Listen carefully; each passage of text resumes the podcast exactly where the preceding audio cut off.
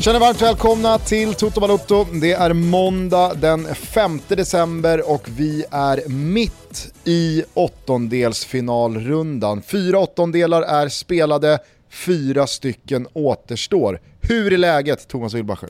Nej men det är bra, jag gillar att vi liksom är i mitt i när vi kommer ut, timingmässigt med avsnittet. Det är lite svårt under ett eh, VM att liksom vara helt perfekt hela tiden, för sen så kan det hända någonting och så kan det inte hända någonting och så har vi vår rytm, vår normala rytm även om vi kan rucka på den. Men eh, ja, det finns, finns någonting fräscht i att vi, att vi kommer in mitt i här, det gillar jag. Mm. Var är du någonstans liksom mentalt eh, och kanske fysiskt också eh, i VM? Börjar du liksom redan få abstinens och en, en liksom posttraumatisk stress? Eller är du fullt ut njutande här och nu? Ja, men allting är ju nytt. Alltså en åttondelsfinal i ett vinter-VM i Qatar är någonting nytt. Alltså gruppspelet när vi började klockan 11, vilket eh, jag tyckte väldigt mycket om, att eh, vakna på morgonen och sen så är det liksom en fotbollsstudio klockan 10. Eh, och så nu är vi i åttondelsfinalsrundan och eh, ja, men det, det är eh, superdramatiska matcher, inte alla, men eh, eh, det, ja, men åttondelsfinaler i VM just nu, det var också någonting nytt. Eh, där, så jag vet inte riktigt, men där, däremot så har jag börjat redan blicka fram mot de här kvartsfinalerna. Alltså jag tycker att kvartsfinalerna i VM, även om man kollar tillbaka historiskt, ha, har någonting extra. Eh, jag älskar kvartsfinalerna och det brukar ofta bli jävligt bra matcher, man brukar få de liksom första straffavgörandena och ser man till de lag som har gått dit nu och de som förmodligen kommer hamna där även om det blir någon skräll, eh, så ser det ut att bli helt ruskiga jävla matcher också. Eh, och de här, de här kvartsfinalmatcherna, nu blir det mysigt att då följa åttondelarna hela vägen in. Mm, mm, ja, men varje match har ju eh, spännande detaljer, alltså nu Neymar tillbaka, hur mår han till exempel ikväll och sånt. Men att vi får kvartsfinalerna sen på en fredag och en lördag, det, ja, det tycker, jag, tycker jag är härligt.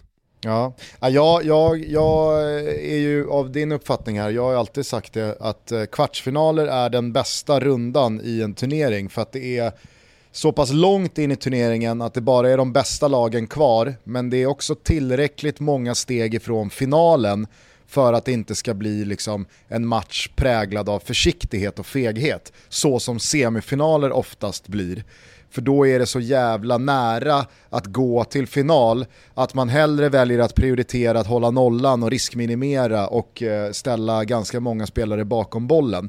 I kvartsfinaler så jag vet inte, min erfarenhet säger att i kvartsfinaler så tenderar fler lag att lägga upp en gameplan som handlar om att vi ska vinna matchen snarare än att vi ska inte förlora matchen. Nej men du, du vill inte åka ut och sen så, du. Jag, jag... du vill inte åka ut och sen så få folkets dom hemma om du inleder kvartsfinalen som minifavorit till exempel, och så eh, går det till förlängning och kanske straffar och så åker du där, vilket har hänt flera gånger också med lag som har varit lite favoriter, även om det har varit ja, men, ganska jämnt i förhandsnacket.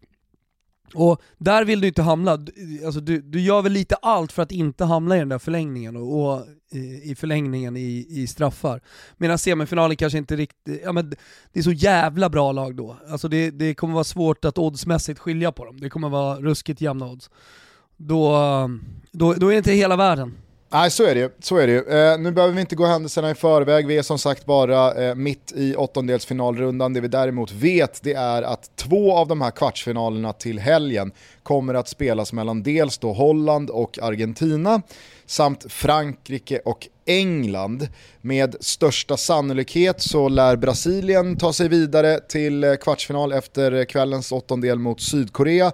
Där kommer Japan eller Kroatien att vänta och på den andra sidan av trädet så är det väl ändå favorit på att Spanien slår ut Marocko och att Portugal slår ut Schweiz. Men där får man väl ändå höja ett varningens finger för att det kan gå lite åt båda hållen i och med att eh, jag, jag håller de eh, matcherna, framförallt Portugal-Schweiz, som betydligt jämnare eh, än, eh, än eh, till exempel då Brasilien-Sydkorea.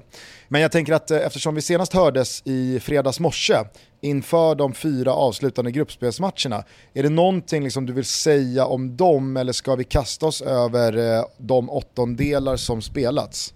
Jag tänker på Uruguays uttåg, Cavanis nekade straff, eh, det efterspelet som var, kanske Serbien mot Schweiz, jag vet inte. Vincent Abubakars eh, puckoröda mot Brasilien. Ja. Finns det någonting du vill lyfta? Nej, men eh, det, det, är väl då att jag tycker att det är konstigt att eh, Uruguay inte får de där straffarna. Där har ju vevat så mycket och det har pratats så mycket om och jag tror att vi är förbi det.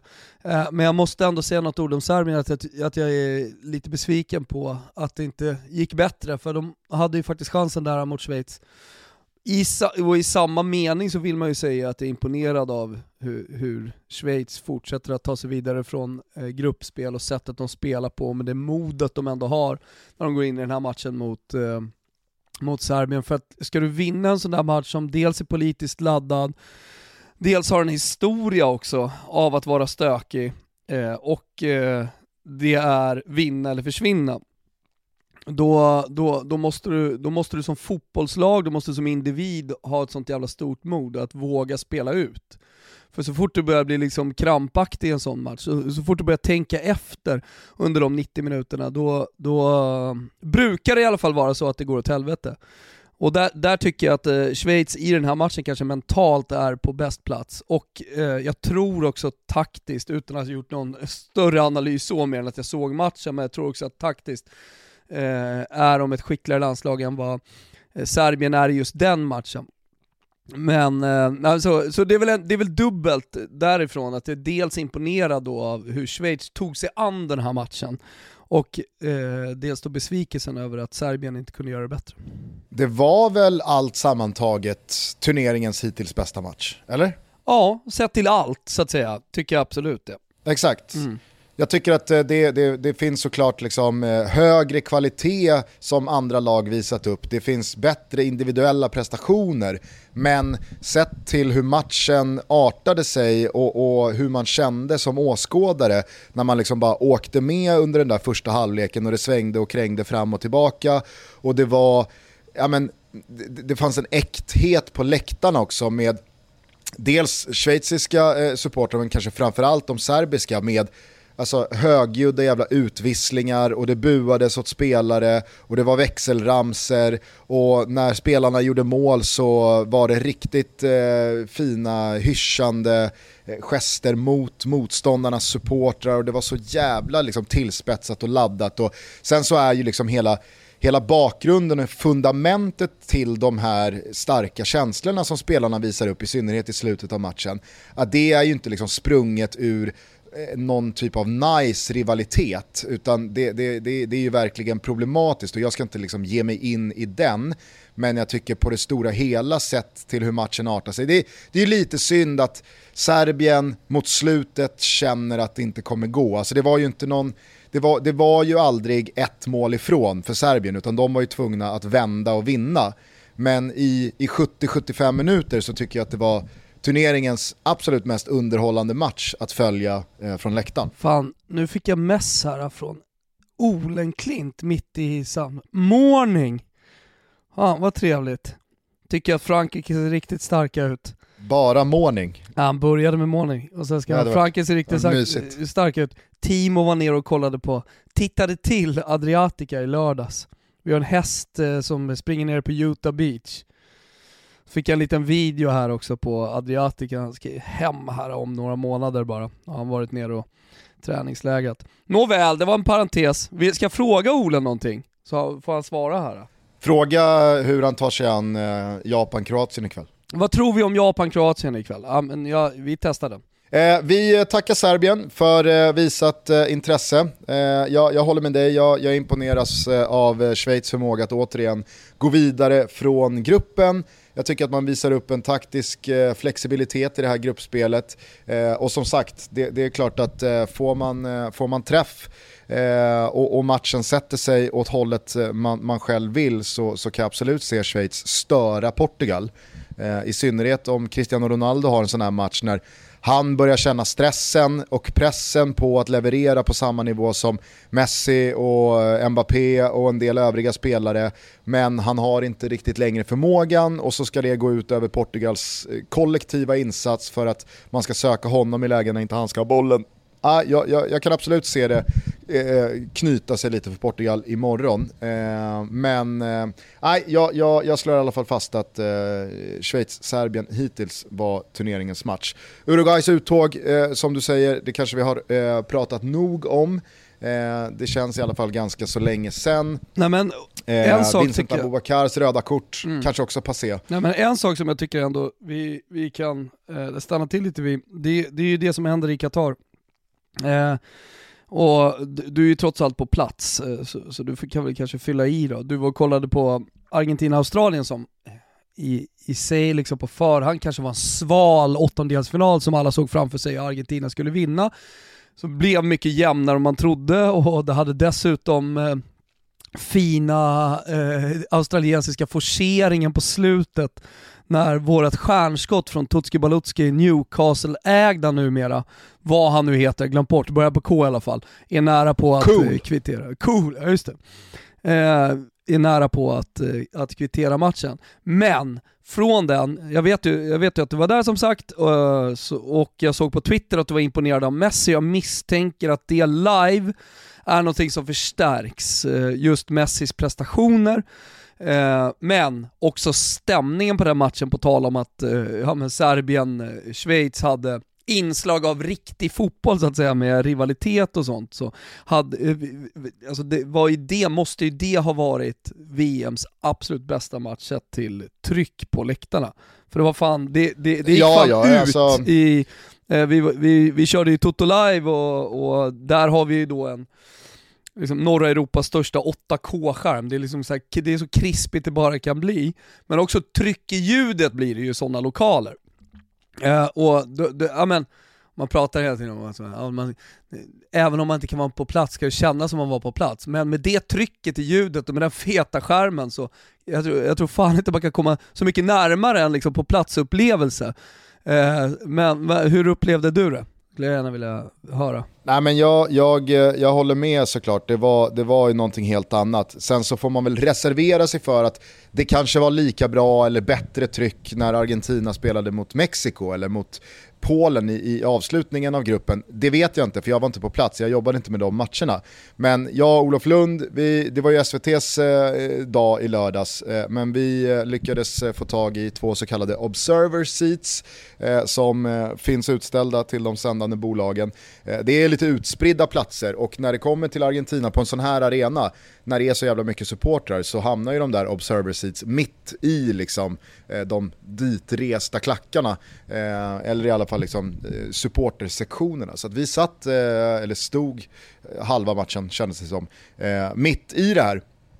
Och det var ju fantastiskt att, att uppleva för att det var sånt jävla tryck i sångerna. Och det, det, är inte bara, det är inte bara liksom tryck i struparna, utan de är ju uppe och studsar och kör eh, liksom, sidohoppen i, i armkrok eller att alla har eh, armarna runt varandras eh, nackar och det är eh, vissa ramser som kommer då med ett tillhörande halsduksvev och det är andra ramser som gör att när de bara står och hoppar upp och ner, det är så jävla tryck hela tiden. Och så bjöd ju verkligen Argentina upp till, till dans med sina supportrar från planen.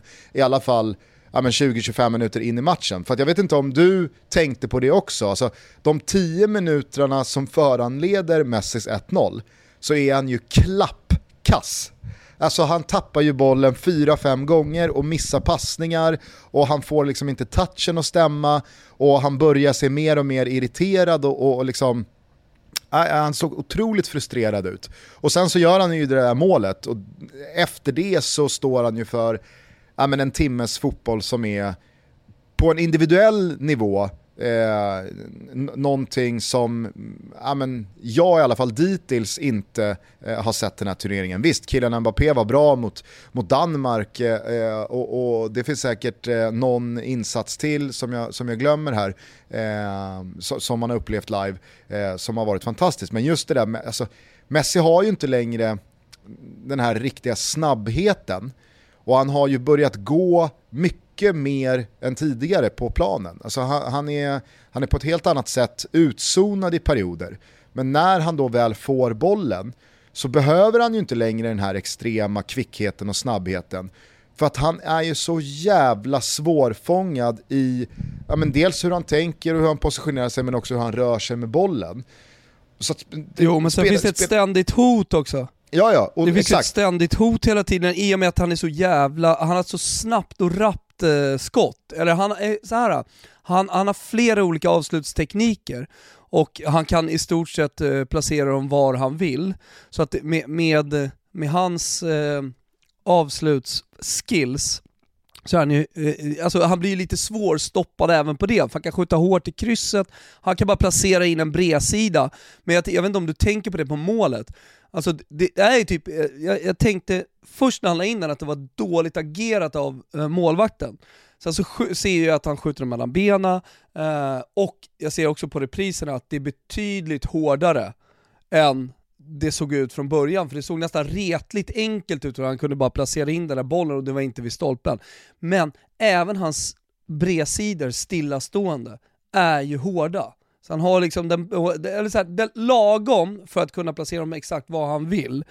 Eh, men inte för löst så att målvakten ska dit. Nej precis, och sen så vet jag inte om du ser det också, men alltså, det där avslutet tas ju i ett ologiskt halvt steg.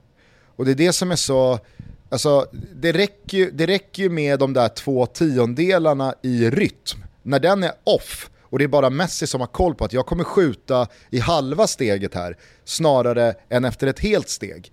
Alltså, jag, jag, jag, tror att det räcker för att det ska sätta Matt Ryan ur spel och han ska kunna liksom trä in den mellan benen där. Om han skjuter i den normala takten där, eller rytmen, då, då stänger man ner ett sånt där avslut. Och det är det som är så jävla genialiskt. Men utöver den här avslutspaletten så har den ju dessutom också alla typer av passningar att kunna slå i samma läge.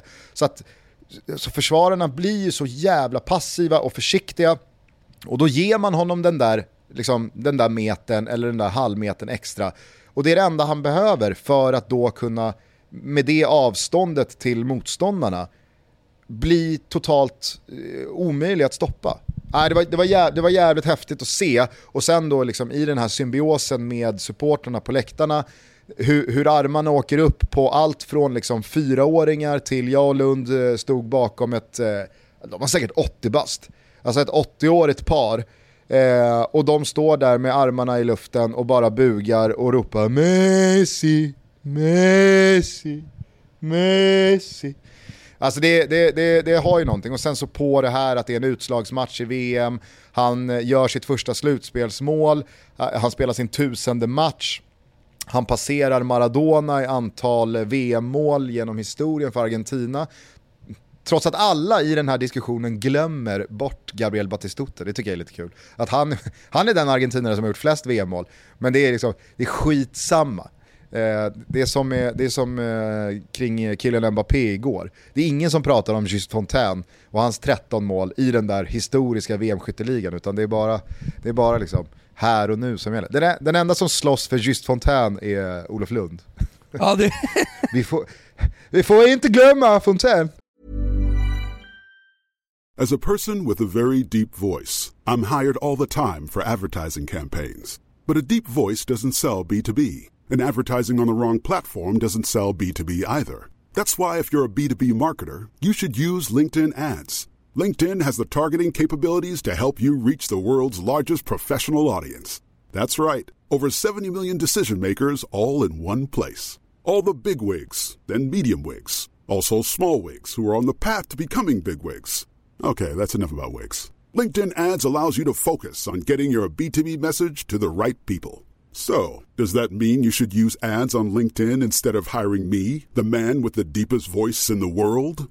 Yes. Yes, it does. Get started today and see why LinkedIn is the place to be to be. We'll even give you a $100 credit on your next campaign. Go to linkedin.com slash results to claim your credit. That's linkedin.com slash results. Terms and conditions apply. det tycker jag är kul. ja, det är.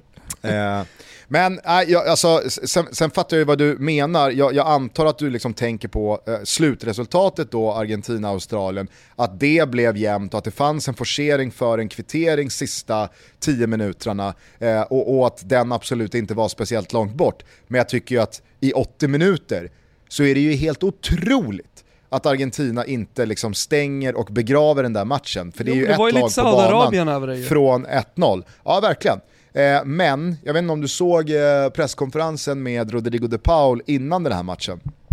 Där han pratar om eh, att eh, jag först nu har liksom kunnat börja njuta ens 10% av att spela VM. För fram tills nu så har det bara varit liksom tyngd på axlarna och ett tryck över bröstet i form av press. Alltså det är inte ens nice. Det är bara stress, press och ångest. För att vi har sådana jävla förväntningar på oss själva och vi känner av trycket hemifrån och vi vill infria allas drömmar och förväntningar och förhoppningar. Så att det har bara varit liksom press fram tills nu. Och det är så jävla, det är så, det är så tydligt att se på Argentina-spelarna att de lever med den här pressen. Alltså kolla hur de firar Martinez eh, räddningar i slutet och hur de håller säga. på att schabbla bort det här och alla går ner på knä. Alltså du vet så här, de är så nej, jävla pressade. Det är så mycket, det är så mycket lidelse och det, det är som du säger, det, det är sånt jävla tryck på dem och, och på ett sätt kan man ju tycka att det är otroligt Eh, med tanke på att de inte spelar på hemmaplan, alltså som, bruk, men som när Brasilien eh, var hemma och alla ville ha dem på Maracanã i finalen och, och man hade inte vunnit på länge och, och sådär. Alltså 12 år, det är tydligen lång tid i brasiliansk fotbollshistoria. Nåväl, eh, och sen, men vad det gäller Argentina så det, det, det, det är inte så att man har fem eh, VM-titlar och att man hela tiden prenumererar på finaler. Eh, så, så, att den pressen är så stor, det, det, det, det, kan jag tycka att det är ja, men smått otroligt. Men att man ser det, alltså så tydligheten i, i, i det, jag tror ju att de hade behövt, för att få det att släppa lite så hade de behövt göra två, tre mål i den där första perioden av eh, matchen eh, mot Sa Saudiarabien innan de tappade lite mot slutet av halvleken och sådär. Eh, eh, Lautaro Martinez, som man också får komma ihåg är färsk i, i de här sammanhangen. Han hade behövt liksom, få sitt mål godkänt, det kanske hade räckt för honom för att det skulle släppa lite. Men nu, nu har det blivit, alltså i och med att man satte sig i den sitsen som man gjorde med förlust mot Saudiarabien i den första matchen, då, då, fick man liksom ingen slak lina någon gång. Utan den här pressen man haft på sig hela tiden när man, liksom, fram till den här första matchen, eh, den blev ju ännu mer spänd, linan. Eh, genom hela gruppspelet och såklart in till den här åttondelsfinalen som blev då en jävla nervpers ändå för argentinarna. Och jag tycker, tycker det är bra att du tar upp just liksom firandet av räddningen i slutet stå en gubbe på mållinjen också, han tar ju den med, med bredsidan och, och får bort den bollen också. Så jävla farligt var det inte. Men du vet, det, det, det, är, det, är, ju, det, är, det är ju hög på målvakten. Tänkte säga böghög, jag vet inte varför. Eh, på målvakten direkt, eh, direkt på den där räddningen och det är... Eh, det, jag vet inte, Eh, jag tror att jag tror mindre på Argentina nu, för normalt sett brukar jag säga så här, men lidelse är bra, och jag menar kan man lida sig till segrar, ja men då kan man lida sig hela vägen till ett VM-guld.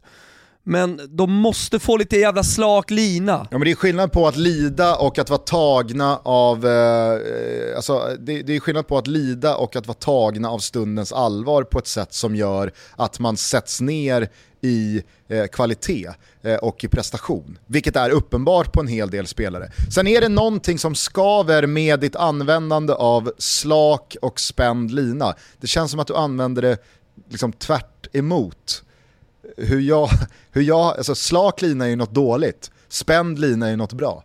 Vi balanserar på slak lina här, det är då det är då det, är då det börjar Men man, man brukar väl säga give me some slack, alltså släpp på, ge, ge mig lite, fan give me some slack, släpp på lite. Det, det här, det är liksom spänd lina hela tiden, man måste släppa efter.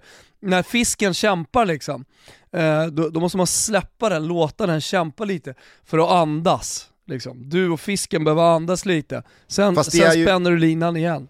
Fast det är lättare att balansera på en spänd lina än att balansera på slak lina. Nej, om- eh, alltså det, det är inte så som man använder det på engelska. Nej, Give me some slack, det är därifrån det, mi- mitt användande kommer här. hör de uttrycken ens ihop?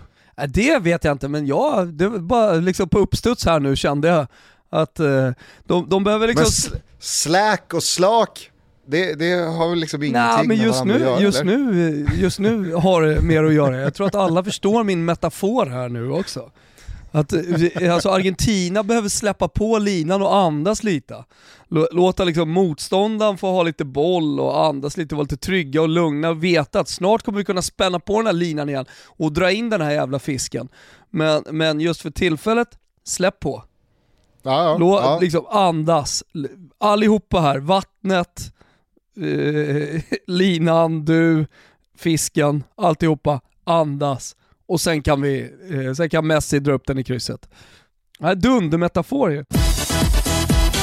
Toto Valuto säger härliga festtider, vi säger härliga tider överlag, vi säger framförallt aktiva tider tillsammans med Björn Borg. De har ju nu precis lanserat deras julkollektion och med koden TOTOVALUTO20, TOTOVALUTO20 så får man 20% rabatt på alla fullpriser på björnborg.com. Är inte detta perfekt nu inför julen när man ska handla sina julklappar så vet jag inte vad. De har ju ett enormt sortiment av precis sånt som man vill ha. Träningskläder, underkläder, väskor, skor, accessoarer. Jag älskar ju deras kalsonger, men jag älskar inte bara deras kalsonger. Jag älskar deras träningskläder också. Det är snyggt att gå ner på gymmet. Det är snyggt att gå ut i spåret, men det är också högsta kvalitutta på själva materialet så att man kan träna hårt och vara snygg samtidigt. Jag vet att det är många som är glada att vi har en kod just nu, så jag ska inte bli för långrandig. Gå in på björnborg.com Använd koden TOTOBALOTTO20, TOTOBALOTTO20 så får ni 20% rabatt. Vi säger stort tack till Björn Borg som är med och möjliggör Toto Balotto.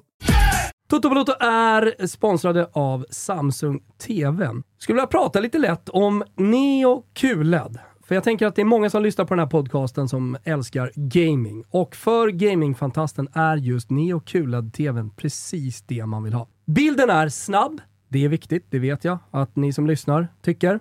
Det är också otroligt skarp bild med en massa dessutom smarta gamingfunktioner som bland annat reducerar att det laggar och att spelenheten levererar optimal bild i precis varje scen. Och jag går i god för att Neo QLED lyfter spelet till nästa nivå. Och som grädde på moset så har Samsungs alla TV från 2022 också cloud gaming. Och vad är nu det? Jo, du kan spela direkt i din TV utan konsol. Med ett abonnemang hos din eh, spelleverantör kan du med några enkla steg via appen ladda ner eh, molnbaserade spel direkt i TVn. Och så kan man då ansluta en kompatibel spelkontroll, logga in och sen bara sätta igång. Vi har det så här på kontoret, jag har det så i mina, två av mina döttrars rum och det funkar hur bra som helst. Vi närmar oss ju jul och då är det väl ett perfekt tillfälle med cloud gaming när vi har tid där hemma va? Neo QLED för gamingfantasterna. Kika in den här tvn eller någon annan tv eftersom Samsung har en tv för alla personer, alla behov och alla rum. Glöm heller inte bort en Samsung Soundbar. Ja men verkligen. Då får du ju den fulländade tv-upplevelsen. Låter det här intressant för er? Ja, jag tror det. Då går ni in på totobalutto.samsung.se och så kikar ni runt i deras breda tv-utbud och hittar en tv för just dig och det rummet dit du söker en tv. Vi säger stort tack till Samsung som är med och möjliggör Toto Balutto.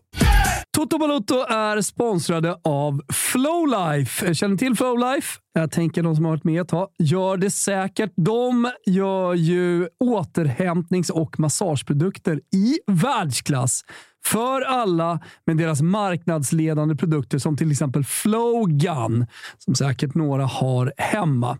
De har också fått utmärkelser i ett flertal sådana här bäst i testundersökningar.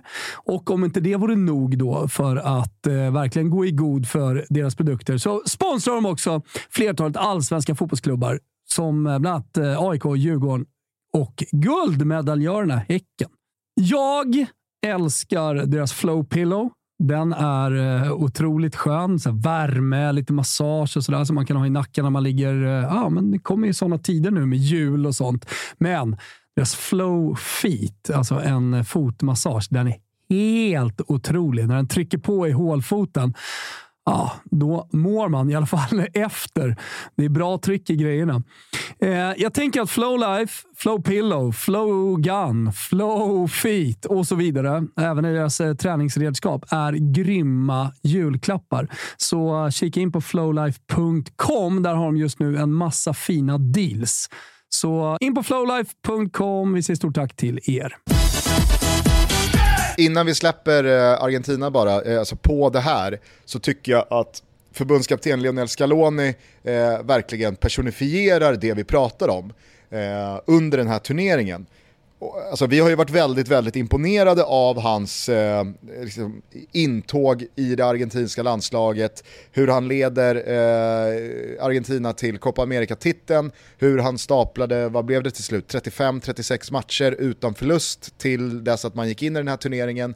Sen så tar det en match mot Saudiarabien, man tappar en 1-0-ledning till förlust och det känns som att han panikar han gör 5-6 förändringar i startelvan till nästa match. Från den matchen till nästa så gör han ytterligare 3-4 förändringar.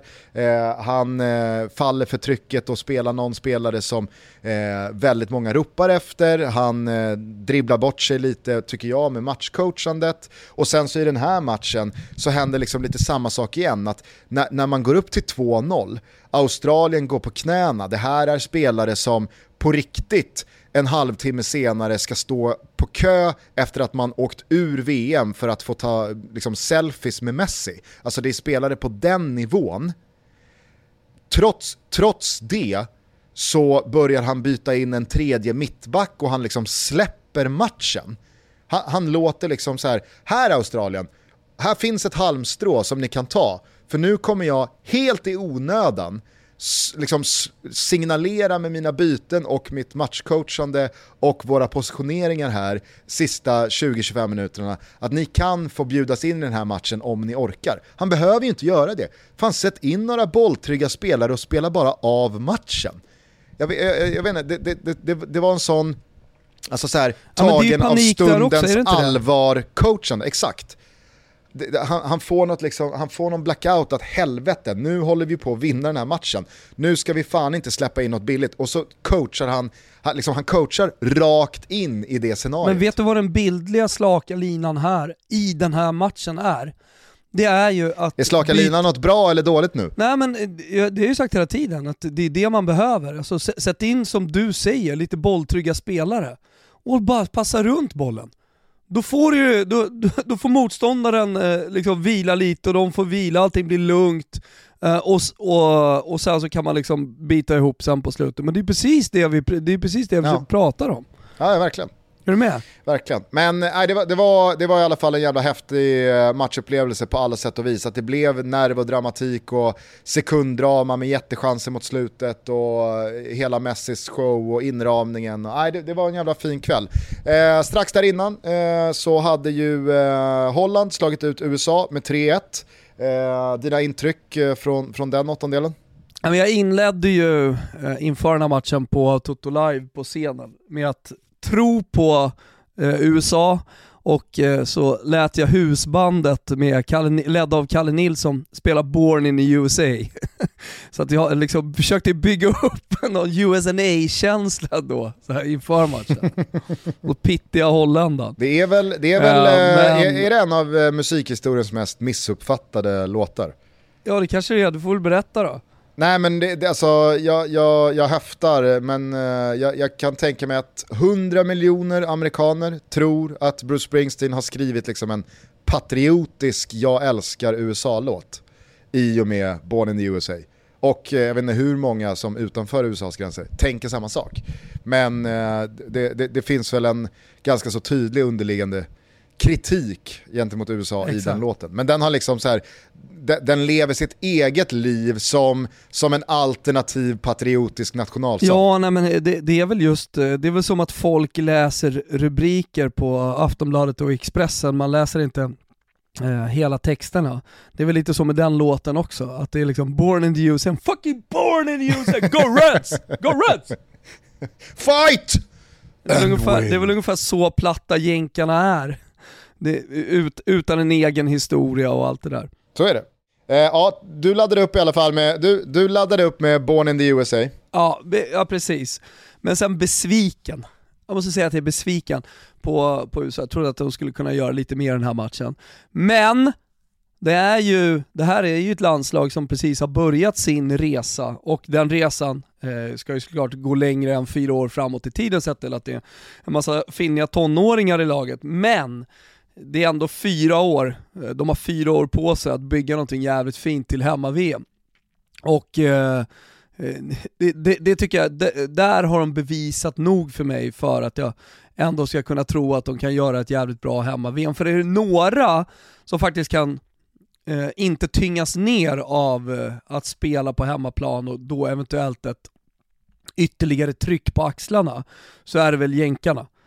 Alltså där, där blir det väl bara, bara positivt av att spela på hemmaplan. Så att det, det, det, där tycker jag, jag tror att USA får man nästan liksom summera helheten från VM-turneringen i Qatar.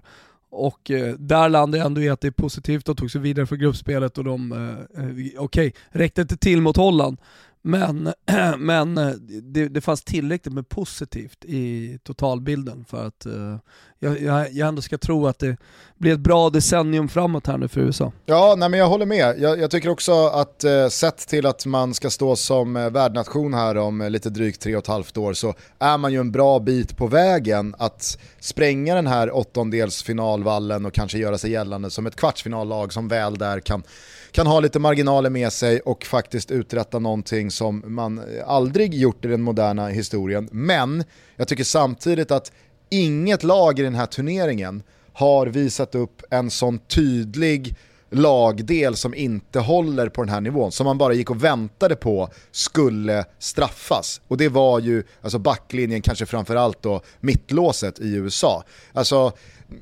framåt så tycker jag att USA stundtals eh, i, i, i långa perioder i matcherna har imponerat och där finns liksom en, där finns speed och där finns kombinationsspel och där finns teknik och där finns avslut och jag menar, jag är inte orolig för att USA kommer utvecklas eh, liksom från eh, nivån man redan håller till ytterligare höjder i de bitarna. Men eh, alltså Ream, Zimmerman, mittlåset har man ju bara, liksom, varenda match man har sett så har jag tänkt att det, här, det, här, det här måste något lag snart straffa. För de är för dåliga. Eh, och, och alltså, England behövde ju inte göra det eftersom man hade sin premiärseger mot Iran. Wales väntade i sista matchen samtidigt som USA och Iran skulle mötas. Så det, det, var ju ett England som gick på halvfart i den matchen och var väldigt nöjda med ett kryss. Eh, men när det nu blev skarpt läge mot Holland och USA missade sina chanser framåt, då var det ju bara en tidsfråga innan Holland skulle utnyttja bristerna i den där defensiven och i det där mittlåset för att det, det skulle liksom rinna på ett par bollar. Och det hade ju kunnat bli både fyra och fem stycken när man fyller på med, med Blint men kanske framförallt Dumfries och eh, Gakpo eh, ger understöd där till Memphis. Och, äh, men, jag tycker att, eh, jag tycker att eh, det, det, blev så, det blev så oerhört tydligt att det finns en lagdel på den här plan i ett av lagen som inte håller på den här nivån. Och det kommer bli matchavgörande. Nej, jag, jag håller helt med. Alltså, det var ju någonting vi pratade om också efter den första matchen.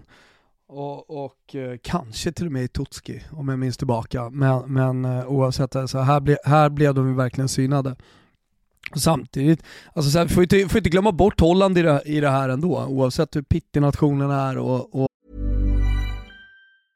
As a person with a very deep voice, I'm hired all the time for advertising campaigns. But a deep voice doesn't sell B2B, and advertising on the wrong platform doesn't sell B2B either. That's why, if you're a B2B marketer, you should use LinkedIn ads. LinkedIn has the targeting capabilities to help you reach the world's largest professional audience. That's right, over 70 million decision makers all in one place. All the big wigs, then medium wigs, also small wigs who are on the path to becoming big wigs.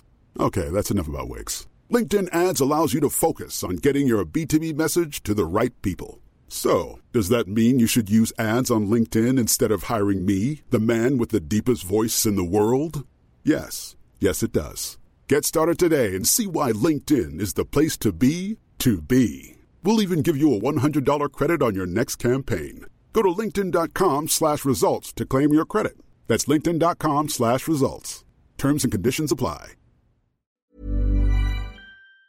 Och sådär. Att, eh, när de återigen långt fram i en VM-turnering och eh, efter de mörka åren, för det, det har de ju sannoliken haft eh, mörka år, det holländska landslaget, när de inte lyckades kvalificera sig och så. Så, så har de ju kommit tillbaka ruskigt starkt.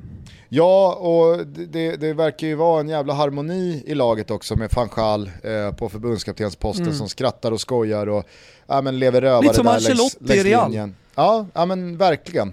Eh, och som du säger, alltså man bränner EM 16, man bränner VM 18, men dessförinnan ska man komma ihåg, då man tar brons VM 14, man spelar final eh, VM 2010. Och nu så har man ju en ny generation på plats. Det här är ju verkligen ett, ett helt annat Holland än det landslaget som underpresterade mot slutet men som kanske framförallt eh, stod på toppen där under några år. Eh, jag tycker också att det, det, det, det, är så jävla fascinerande med de här mästerskapsspelarna. Vi har ju pratat om en del målvakter, eh, Ochoa och Keylor Navas, nah, Keylor Navas kanske orättvist att nämna med tanke på vad han upp, upp, uträttat på, på, på klubblagssidan. Eh, men det finns ju en del spelare eh, som också är mästerskapsspelare, alltså typ Sheridan Shakiri. Alltid bra i Schweiz. Verkligen. Alltid bra när det är mästerskap. Mm. Och sen däremellan så, så åker han in och ut i startelver i lite för stora klubbar. Nu spelar han ju i och för sig i MLS, men du fattar vad jag menar. Så, så har ju hans karriär sett ut i tio år. Han tar inte tröja i Bayern München, eh, helt ordinarie. Samma sak i Inter. Samma, vet, han, han hamnar i Stoke, vad fan gör han i Stoke? Han hamnar i Liverpool och då är det in och ut igen i startelvan. Och, och sen så när det är mästerskap, ja, men då dyker han upp och levererar. Eh, alltså, Denzel Dumfries, jag säger inte att han eh, tillhör samma kategori på klubblagssidan, men nu har han ju två mästerskap i rad här, verkligen, ja men tycker jag, eh, alltså han, han, han formtoppar sig själv. Han spelar ju, eh, han, han, spelar, han spelar ju sin, sin, sin bästa fotboll. Absolut. Jag läste i italiensk media att han alltså, nu skulle vara värd uppåt en 70 miljoner euro. Och det känns ju helt bisarrt att liksom prata om Dumfries och, och 70 miljoner euro. Men det, det är ju precis vad ett mästerskap kan göra med en spelare. Alltså värdet kan ju, kan ju gå upp med det dubbla om man gör det bra. Så är det, så är det, verkligen. Ener Valencia är väl också en spelare som man ska nämna i den här ja, kategorin. Mästerskapsspelare. Man, det så här, spelare. Spelare som Toto Balotto aldrig pratar om. Förutom under mästerskap. Mm, verkligen. verkligen de, de, de, är, de är lite bortglömda, men Fanchal, han, han, han vet ju, till skillnad från Scaloni, när det är läge att ge lite slak lina. eller, eller spänd. Nej, slak. Det är, du som, det är du som inte tar den här, det är bara det. Alltså jag, jag, jag förstår ju liksom kastfisketänket här. Men jag har alltid pratat om slak och spänd lina i form av att man behöver en lina att balansera på. Och är den slak då kommer man ramla. Den behöver vara spänd för att man ska kunna hitta balansen. Nej, Men vi, alltså, vi, vi, kanske har helt olika syn på liksom, vad linan är. Det kanske alltid har varit en fiskelina. Jag har alltid trott att det är en balanslina. Ja, Nej, det kanske det är. Det spelar liksom ingen roll. Eh, utan här ger jag lite slak fiskelina i alla fall. Och det är viktigt för det passar så bra ihop med Argentina. Ja, ja. Toto Balotto är sponsrade av Mantle. Och vad är nu det? Jo, det är det svenska hudvårdsvarumärket som tagit CBD eller CBD till Skandinavien. Jag säger CBD för det är så stort borta i typ Kalifornien. Alla använder det. Och nu har det alltså jag vet att vissa vet vad det här redan är som lyssnar på spotten, men nu har det kommit till Sverige. De har också snabbt blivit den nya stjärnan inom hudvård med deras prisbelönta premiumsortiment. Kort om CBD och eh, Mantle CBD eh, så är det så att det är av högsta kvalitet och potens. Det är handplockat och kallpressat i Schweiz. Ja, men ni hör ju, detta är kvalitet av absolut högsta nivå. Testa alla som har flickvänner där hemma eller till tjejkompisar. Och säg bara att Toto Balutto, ah, de är tydligen sponsrade av Mantle och där får man nu eh, rabatt. Testa säg det till dem och se reaktionen. Eller så säger ni ingenting. Eller så tar ni bara upp det lite lätt och ledigt. Så får ni se hur de reagerar. Jag lovar er. Här jobbar vi en riktig årets julklapp. Om du köper mantel till din tjej så kommer hon att bli glad. Sen kan det ju så att inte bara kanske till eh, din flickvän, din fru, utan kanske också till syrran. Och ska jag slå ett slag för en produkt, alltså en julklapp. Ska jag tipsa lite eller? Ja, men då vill jag tipsa om Holiday Kits på deras hemsida.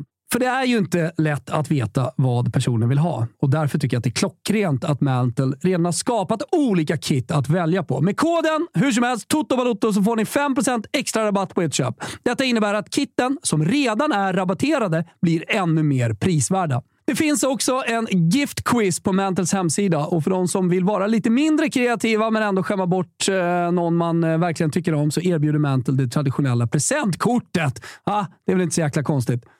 Va? Det är väl kanon? Gå in på hallomantle.se. Vi säger stort tack att ni är med och möjliggör Toto Balotto.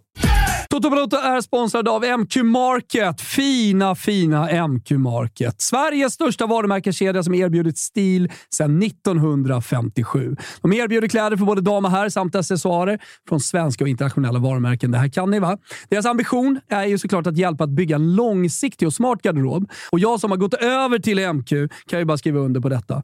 De har eh, väldigt stilrena, snygga plagg som lever över tid och inte följer precis liksom det senast trendigaste.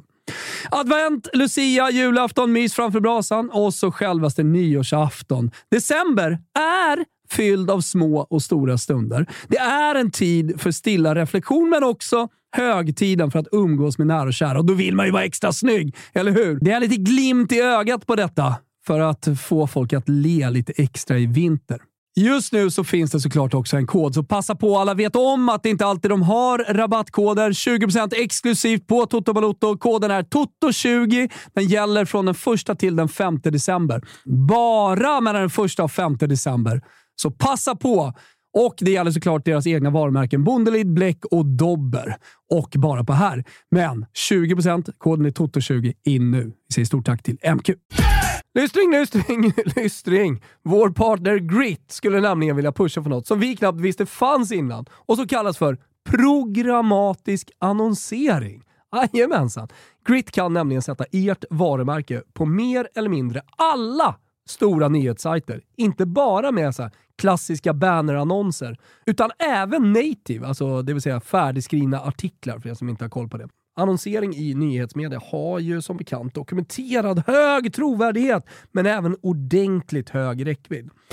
Så varför ska du som lyssnar nu, som är marknadschef, köpa dina annonser programmatiskt istället för att boka genom tidningshusen? 1. Grit sköter nämligen budgivningen på ytan åt dig genom sina plattformar och det ger dig mer effekt. 2. Lyssna! Grit optimerar annonserna under kampanjperiodens gång för att utesluta irrelevanta positioner och annonser som inte levererar. Tre! Jajamensan, det finns en trea här också. Här kommer grädden på moset. Grit har färdiga datamålgrupper som säkerställer att dina annonser inte bara visas på de största sajterna, utan även för rätt målgrupp på de största sajterna. Ja, men ni hör ju. Ni måste kontakta Andreas eller Jakob på www.gritmedia.se för bättre marknadsföring. Gör det nu!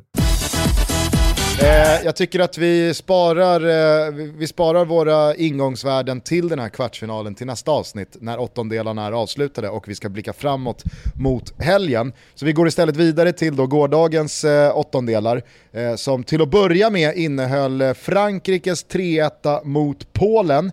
Kylian Mbappés eh, stora stund, helvete vad han höll hov eh, i eh, den andra halvleken. Eh, och vi sa det i vår sändning, SVT pratade om det i sin senare sändning.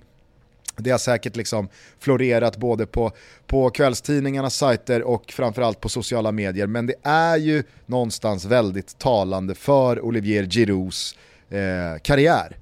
Att den dagen han liksom lämnar Thierry Henry bakom sig som Frankrikes mesta målskytt genom tiderna och den dagen han gör ett avgörande mål i en slutspelsmatch i VM eftersom han då inte gjorde ett enda mål förra VM när Frankrike gick och vann. Alltså är det fortfarande ingen som pratar om Olivier Giroud utan allting handlar om killen Mbappé. Han lyckas på något sätt alltid stå i skuggan av någon annan. Det är perfekt ju för honom. Ja. Jag läste på tal om eh, italienska medier att han skulle förlänga nu med Milan. Uh, så, så underskattad spelare. En sånt jävla bra köp av Milan också när man tog in honom. För det är ingen som, det är ingen, det är ingen som har pratat om honom även om han har varit bra i Milan. Alltså, det, vi, visst har vi hyllat honom och sen är jag en stor eh, Giro-supporter ehm, eh, och alltid, alltid gillat hans elegans och hans sätt att liksom, Ag- eh, han, hur han ser ut i, eh, i straffområdet när, när bollarna kommer. Sen har han ju, alltså även om han alltid har varit en, en smidig fotbollsspelare så känns det ju som att de här jävla bissarna som han håller på med, att alltså, det, det, de, de känns ju hundraprocentiga varje gång han går upp. Ja, ja, det är ingen flax där. Det är som att trycka på fuskknappen eh, när man spelar tv-spel. Det fanns ett sånt Nintendo-spel där man liksom kunde trycka in vet, så här, eh, fyra knappar samtidigt så gjorde man då sin, sin fuskspark. Så hade, alltså varje lands spelare hade olika typer av fusksparkar. Men så känns Giro, liksom. trycker du in L1, L2 och alla knappar samtidigt, då kommer liksom fusksparken och då, går, då går den in i mål. Då är det ingen som kan göra någonting. Nej, nej. Uh, och jävla synd att det, det, här målet dömdes bort för att det hade också kunnat blivit ett, uh, i, ja, ett mål som man kommer ihåg alla tider. Nu glöms det bort i uh, ja, Men visst var det också på lite oklara grunder? Det måste väl ha varit ett vara Jag tror att han blåste först för liksom ruff på målvakt. Men när man tittade på målet så, så, så, tog man då istället Varans händer i ryggen på försvararen, eventuellt. Ja, för att jag, alltså jag tyckte, jag såg inte speciellt många repriser utan jag satt ju på läktaren. Jag tyckte det verkligen såg ut som att, ja men det här är väl Chesneys fel? Ja, nej men uh, han, han gör ju ingenting mot Chesney, han går ju bara upp, Varann går ju, det är Varann va? Jag tror att det är Varann. Ja, och han så är det väl, och, och Chesney, exakt, Chesney sänker ju sin egen. Ja, sin egen och typ Varann. Alltså han, han, han hoppar ju bara rätt in i situationen och, och ja. misslyckas. Men, men när jag såg reprisen så för mig att jag såg dubbla händer i ryggen från varann på försvararen som han har framför sig. Och jag menar, jag, som, som sagt, jag tror att domaren blåser spontant på att nej, men det här måste vara ruff på målvakt. Men att man sen på VAR kanske hittar då ruff från varann. Jag vet inte. Men jag tycker ändå att det är synd, släpp på. Ja, det, var, det, var synd, det var synd på ett sånt avslut, det var synd på ett sånt mål, men man får väl någonstans eh, se till att det var inte speciellt stora protester från de franska spelarna heller. Så att de kanske fick det där rätt. Det blev i alla fall någonting vi skriver in i marginalen, för det här slutar ju med en eh, övertygande seger till slut för Frankrike. Även fast jag tycker att man eh, på, på ett eh, misstänkt farligt sätt släppte in Polen i första halvlek och liksom tappar matchen. Eh, Polen har ju ett par jättelägen där innan Giroud gör 1-0 i slutet av den första halvleken att faktiskt ta ledningen. Och då blir det här såklart en helt annan match. Då, då pumpar ju Polen sig själva fulla med ork och batterier och bensin att liksom kriga till sista blodsdroppe. Nu kommer 1-0 strax innan paus, det knäcker ju förmodligen de polska spelarna och sen så, liksom, eh, Polen har väl knappt eh, eh, en, en tillstymmelse till målchans innan eh, Mbappé gör 2-0 och där är det ju såklart godnatt och över. Men eh, jag, jag, jag, tyckte det var, jag tyckte det var häftigt att se killen Mbappé när han liksom petar i den här växeln eh, där, där det inte går att göra speciellt mycket åt honom. Eh, han är inte ens 24 bast fyllda, han står på 9 VM-mål, han har gjort 5 mål hittills med de två målgivande passningarna. Så är han uppe på alltså ett poängsnitt där han gör mål eller assist var 43 minut.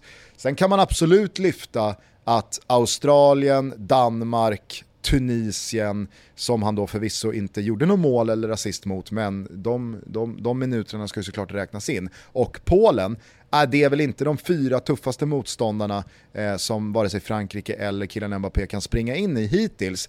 Men målen och assisten ska göras eh, och det är inte alla som, som gör dem ändå.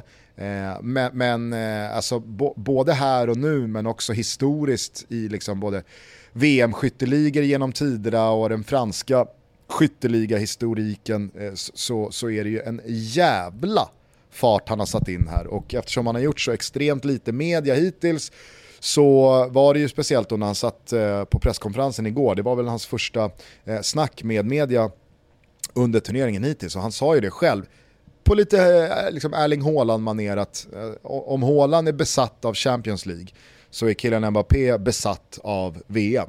Det här är hans drömmars turnering och han vill verkligen göra ett så stort avtryck han bara kan. För han vet hur få gånger eh, den här turneringen spelas under en karriär och han vet hur få matcher det handlar om. Så att, eh, ska man göra det där avtrycket han onekligen är ute efter att sätta, då, då, då får man ligga i, då kan man inte slarva bort några matcher. Eh, och det blir ju häftigt att ställa killen Mbappés siffror VM-mässigt gentemot då kanske framförallt Cristiano Ronaldo och Lionel Messi som nu spelar sitt femte VM och Ronaldo har väl över 20 matcher och Messi är väl uppe på, på något liknande och de står på 8-9 mål. Eh, killen Mbappé har gjort 9 mål eh, på, på 11 matcher och gör sitt andra VM här nu. Ja, eh, SVT gjorde det faktiskt igår i sin studio också. Det var första gången jag såg det så här, när, när siffrorna stod eh, svart på vitt bredvid varandra har säkert visats tusen gånger innan, var första gången jag såg det. Och, nej, men det blir jättetalande. Och, men han, han spelar ju också, även om han såklart har jättestort tryck på sina axlar, så spelar han med en så här, ungdomlig glädje lite grann i sitt spel. Alltså han tänker inte så mycket på att det är VM, eh, förutom allt det härliga med att det är VM. Uh, han, han, tycker verkligen att det är fantastiskt där. Alltså, han, han känner liksom inte en hel fransk uh, population uh, som, som bara liksom kräver att han ska vinna ett VM-guld åt dem, utan det är bara fantastiskt att vara på den här kuppen och han vill vara den som, som avgör de här matcherna. Det, det, men det blir så tydligt också i hans sätt att avsluta. Du vet, ja, men, kolla här har jag ett läge att liksom dra den, men då måste jag dra den hårt också. Uh, och, och då gör han det mellan backarna och, och det är liksom otagbart för målvakten. Han, kan också, han, han har ju så, han har också många olika avslutstekniker, eh, många olika skott som sitter. Om eh, Arjen Robben hade vika in, bända den i bortre, så har ju då Kylian Mbappé allting. Han har liksom bredsidan, eh, han kan ju faktiskt gå in i boxen och liksom bara stöta in den alltså på det sättet. Det, eh, han har ju faktiskt också båda fötterna. Ja, dessutom båda fötterna eh, och han har ju också, liksom, han kan bomba in den närmsta så som han gjorde i, i det första målet, som, det är det första målet va? Jag tror att det är det första målet som han gör, när han bara, liksom bara smäller upp den. Och, äh, men han är ju en sån där spelare, eh, värd biljetten man har betalat pengar för, så han, det, det, det räcker med att bara gå, gå och se honom under de här VM-matcherna. Ja, verkligen. Eh, sen måste man ju addera utöver Mbappé och eh, Olivier Giroud här att Antoine Griezmann gör en jävla turnering hittills också. Även fast han inte eh, gör några mål. Men eh, fan vad han eh, liksom ser ut att trivas som fisken i vattnet. Eh, och han har inte svalt något bete med vare sig spänd eller slak lina utan han, eh, han hoppar på där för friska livet eh, och eh, spelar en fotboll jag inte har sett Antoine Griezmann spelat på bra jävla länge, alltså sett till hur snett han har hamnat i eh, Atletico Madrid men kanske framförallt dessförinnan Barcelona. Eh, alltså, jag, jag, jag vet att det är en känslig diskussion, jag tycker att den är problematisk på alla sätt och vis med, med tanke på att jag också, men framförallt du och väldigt många lyssnare, håller Karim Benzema så jävla högt som vi gör. Men hittills så jävla svårt att tro att Frankrike på något sätt skulle kunna ha sett bättre ut offensivt med Benzema. Alltså, hittills har det väl varit en blessing in disguise att Benzema fick lämna. För det känns som att då kan Kylian Mbappé få leva ut sin liksom I'm the man-grej utan att någon ifrågasätter det. Giroud vill inte ha bollen i onödan. Griezmann ställer upp på att Mbappé snarare går själv eller, äh, än att passa Giroud honom. vill verkligen inte ha bollen vill verkligen inte ha bollen i onödan, det stämmer. Exakt. Och så få touch som möjligt ja, under matchen. Ge mig den bara när den ska rakas in. Alltså det är, Exakt. det är liksom Giroux inställning. Så att jag vet inte, med Benzema out i den här ekvationen så känns det som att alla de här tre spelarna har gynnats av det på, på olika sätt. Men att det har bidragit till att ja, men, den kollektiva offensiven har varit otrolig. Sen kanske den hade varit ännu bättre med Benzema, det får man väl, liksom, det får man väl braska för. Men du hör vad jag säger i alla fall. Det är en hypotes som man kanske inte behöver gå till, men, men, men jag, jag, jag, kan inte se att det ska se så mycket bättre ut. Alltså, allting handlar ju om hur bra då hans ersättare är och hur, hur han ser ut och hur han levererar. Och eh, Giroud har ju varit helt perfekt i det sättet som Frankrike spelar. Så både sett till liksom den individuella prestationen men också den kollektiva prestationen vad liksom Giroud ger till Frankrike.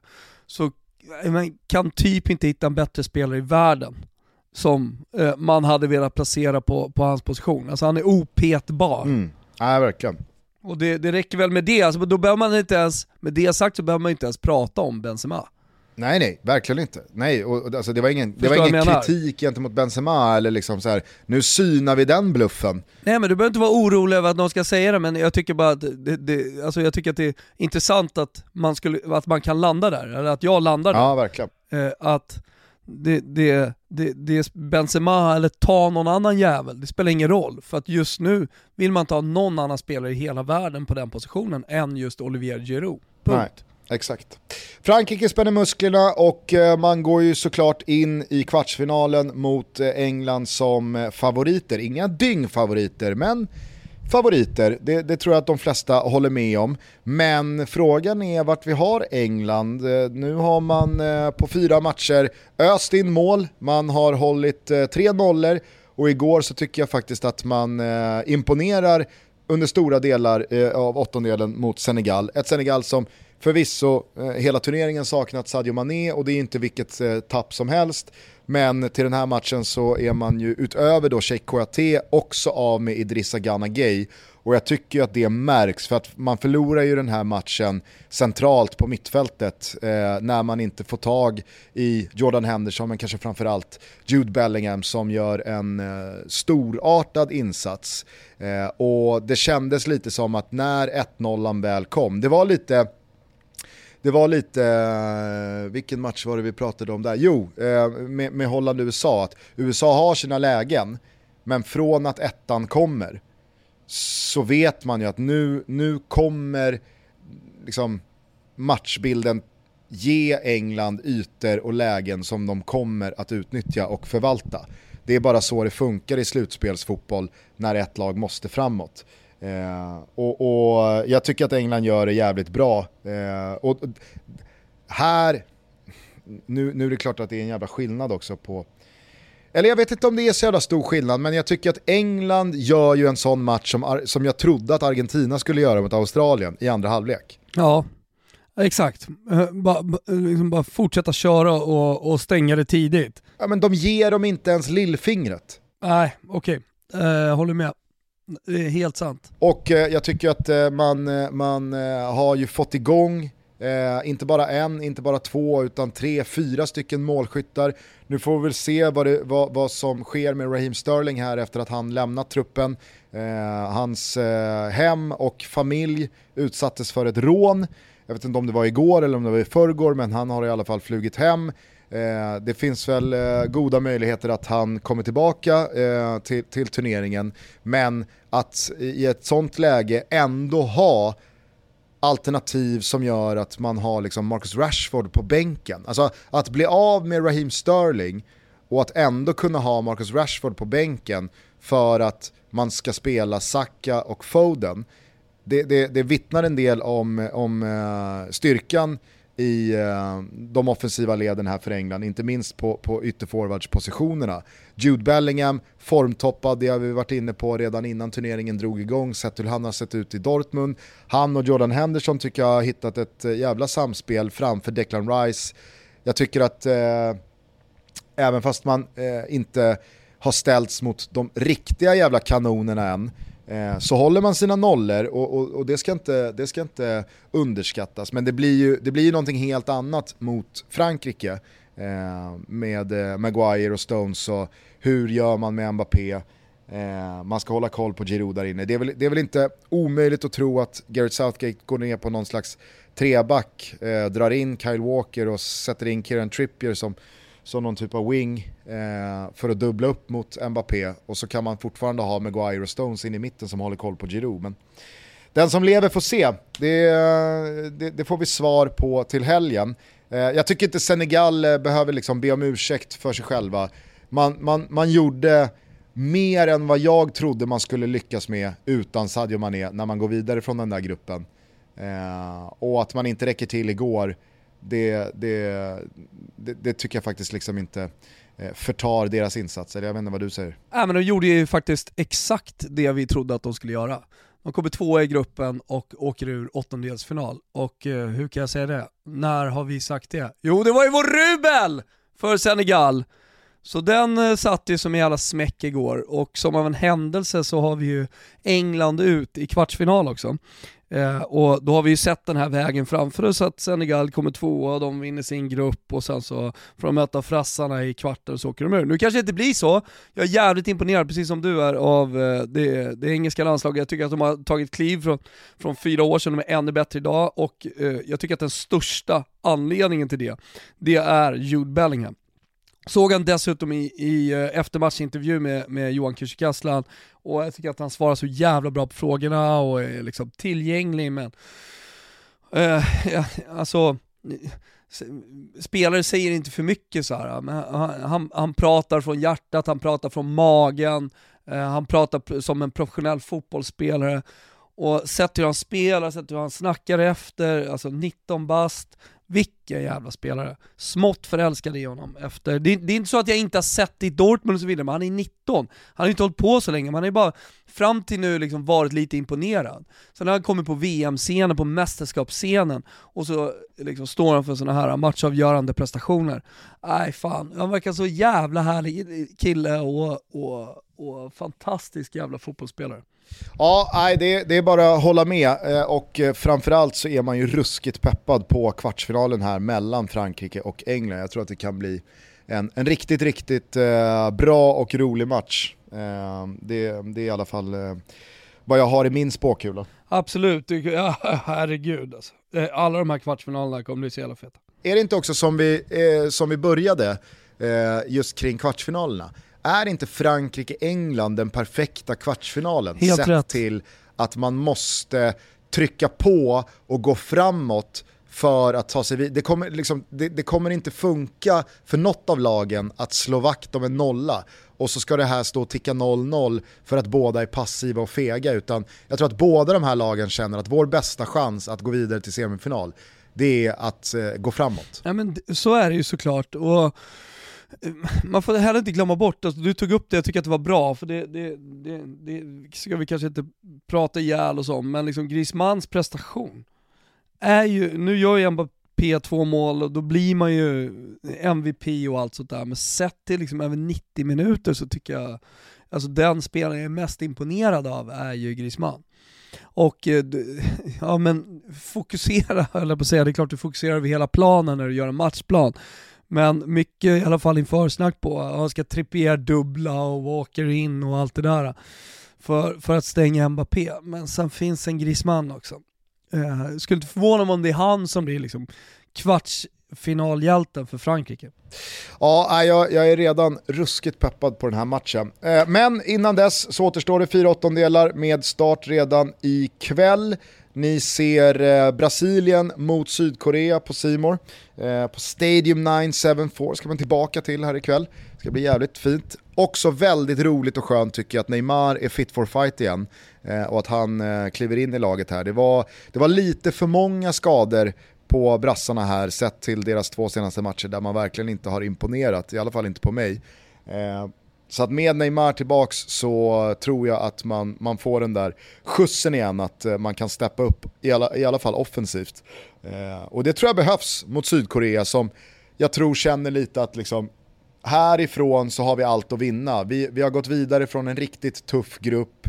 Eh, vi får tuffast tänkbara motstånd, så nu kan vi lika gärna ge det chansen och försöka. Jag, jag tror inte att Sydkorea har gett upp på förhand där, även fast jag såklart, som alla andra, eh, tycker och tänker att Brasilien ska vara rättmätiga storfavoriter här och att det förmodligen kommer sluta med eh, ett brasilianskt avancemang. Men någonting jag, jag, jag, har, jag har någon känsla i magen av att liksom Paolo Bento tillbaka nere vid sidlinjen, han har ju peppat upp sina spelare och inte minst Heung-Min Son att så här, vi har absolut ingenting att förlora nu. Nu går vi ut och tömmer oss. Ja, men det är klart att det, det, det kommer vara så, men man var också ruskigt trötta i slutet av matchen mot Portugal. När man skulle forcera in det där målet. Alltså det var minuter där, där jag, där jag kände, må, många minuter där jag kände att det här kommer ju aldrig gå. Uh, så får de chansen, de gör målet, men uh, nej, jag, det, alltså, Hur bra gör Sonde i det målet? Nej, otroligt bra. Och jag menar, de har, för att Sydkorea ska ta sig till en åttondel så behöver de ju en spelare som, eh, som, som gör den typen av skillnad som Son gör, alltså en riktig världsspelare i laget. Alltså, det behöver man verkligen. Men eh, herregud, alltså fan vilken sparlåga Brasil har gått på. Fan, rotera bort en hel jävla elva i, i en match. Det, det liksom, ingen kan göra sånt. Och jag, jag minns bara tillbaka till den här första matchen, hur bra de kan spela. Lägger ganska lite vikt på, det är klart att det är synd sett till bredden på laget och om eventuella skador eller avstängningar uppstår. Men, men sett till startelva och sådär så, så har ju Brasilien liksom max, maxat här nu. Eh, och dessutom Neymar tillbaka, vi får se om det håller men men eh, eh, nej nej, alltså jag, jag, jag ser 3-0 Brasilien ikväll.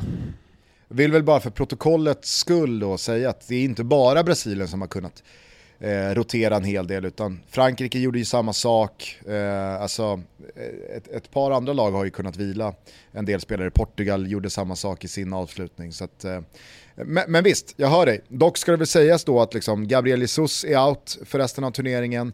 Eh, fan, tre, tre av ytterbackarna, det är väl både Danilo och Alexandro och Alex Telles som, som eh, dras med skador här också. Eh, så att jag tror att det var det återstår väl att se, men alltså att, att sakna Neymar på det, det, det, det, det, skulle eventuellt kunna ha varit en, ja. en skada för mycket. Absolut, det, det, hade jag, det hade jag kunnat skriva under på. Men nu gör man inte än så länge det i alla fall. Så är det ju. Eh, vi, eh, vi behöver inte spekulera mer i eh, hur eh, matcherna här eh, ikväll och imorgon eh, kommer att eh, te sig. Eh, när vi hörs igen så vet vi hur det slutade mellan då Japan, Kroatien, Sydkorea, Brasilien, Portugal mot Schweiz samt Marocko mot Spanien. Och då har vi alltså eh, våra åtta kvartsfinallag klara eh, som då gör upp om semifinalplatserna på fredag och på lördag. Eh, se mig och resten av gänget här nerifrån i Simor. Ni missar inte en sekund av mästerskapet, vare sig våra eller SVT sändningar om ni har ett Premium Plus-abonnemang. Och det tycker jag att man med fördel kan skaffa för då kan man utöver all fotboll från VM se Nattryttarna och Yellowstone och bara om några veckor så kommer en ny Beck och sen innan man hinner ropa eh, gott nytt år så är La Liga och Serie A tillbaka och sen så är det Champions League i februari. Ja, det är en jävla massa mys man får med ett Premium Plus-abonnemang. Så det är sagt. Ja, men det, det är mycket bra Gusten. Kan man få önska en sak nere från Qatar? Eh, det beror på. Ja, men inför de här kvartsfinal... Du kan inte få någon alkohol, du kan inte få en regnbågsflagga, Nej. Eh, du kan inte, du kan inte få, få det lite bögsex. En, eh, du kan inte få en puss av mig. Nej, alltså jag fattar det. Men det jag önskar är, skulle inte du kunna göra ett par minuters uppsnack inför kvartsfinalerna med typ Backe eller vem du vill där nere och sen skicka till mig en liten videosnutt så kan jag ta med mig det till fredagen och lördagens Toto Live som vi ska köra. Så får de inte bara, jag menar, Svanemars uppsnack inför matcherna, det blir ju att ställa frågorna till mig i så fall va? Eh, är du med på vad jag menar? Eh, lite tyngd i expertisen där va? Men skulle man inte kunna få lite exklusiv tyngd nerifrån, eh, nerifrån gubbarna på plats? Det hade ju varit väldigt uppskattat. Ja, jag ska se vad jag kan göra. Eh, Backe ska kurera sig här i, i några ja, vad dagar. Det var säkert många av vad er som, hör, där? Först var många det av er som hörde honom igår. Ja, först var det poliser på rummet och vi var lite oroliga här hemma. Liksom, vad är det som händer med Backe? Ska han plockas in av katarisk säkerhetspolis och torteras? Eh, och sen nu då, senast då från igår, så hörde vi en Backe som definitivt inte var i form. Um, och uh, det fanns en förkylning eller någonting där i, i, i systemet. Ja, han är inne på att uh, de har försökt förgifta honom från statligt håll. Uh, säkerhetspolisen som var inne i hans rum och sådär. Exakt, men det är sekt virke i den där jävla gubben. Ja det ska gudarna veta alltså. Han kommer ju vara toppform sen när det är dags att jobba. Han är tillbaka redan imorgon igen. Ja, bra jobbat. Bra jobbat. Hörni, eh, om ni vill vara med på våran måndags och tisdags trippel eh, så tycker jag att ni ska vara där borta på Betsson under godbitar boostade odds. Vi satte ju lördag söndagstrippen eh, samtidigt som alltså de sista rublarna här ser positiva ut och Senegal satt. Satte vi alltså Messi gör mål och Frankrike vinner med två, England vinner. Nu har vi båda lagen gör mål i Japan, Kroatien, Spanien vinner och Portugal vinner. 18 bast gäller, stödlinjen.se om man har problem med spel. Det är bara att haka på oss hela vägen in.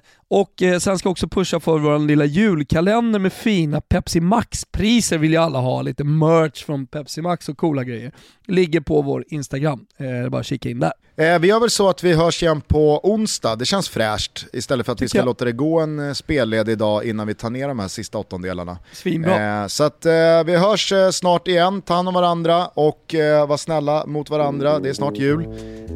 Man vill ju att tomten kommer med hårda klappar och sådär. Så att nu får ni eh, bjuda på ett leende, kanske en kram, kanske en liten eh, strykning på kinden och eh, ett plir i ögonen. Vet du vad man behöver? Nej? Vet du vad man behöver? Jag tänker kanske framförallt på Backe, lite slak lina här nu inför, inför åttondelsfinalerna och kvartsfinalerna sen. Ja, kanske. Eh, hörni, tack för att ni lyssnade på Toto. Vi hörs snart igen. Eh, ciao tutti! Ciao tutti! I find it very, very easy to be true. I find myself alone when each day is through. Yes, I'll admit that I'm a fool for you because you're mine. I walk the line. Mm.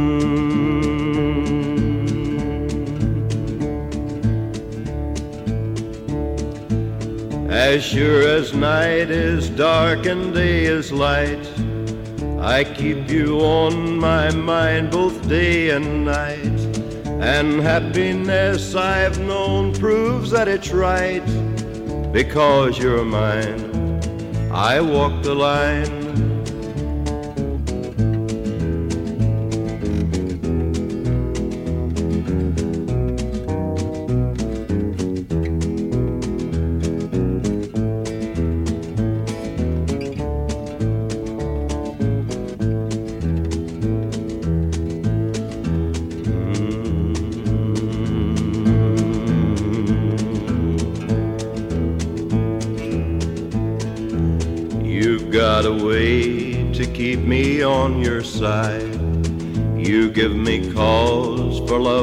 I can't hide. For you, I know I'd even try to turn the tide. Because you're mine, I walk the line.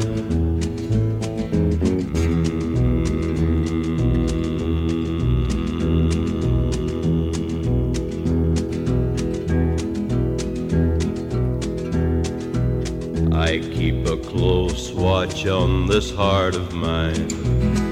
I keep my eyes wide open all the time. I keep the ends out for the tie that binds.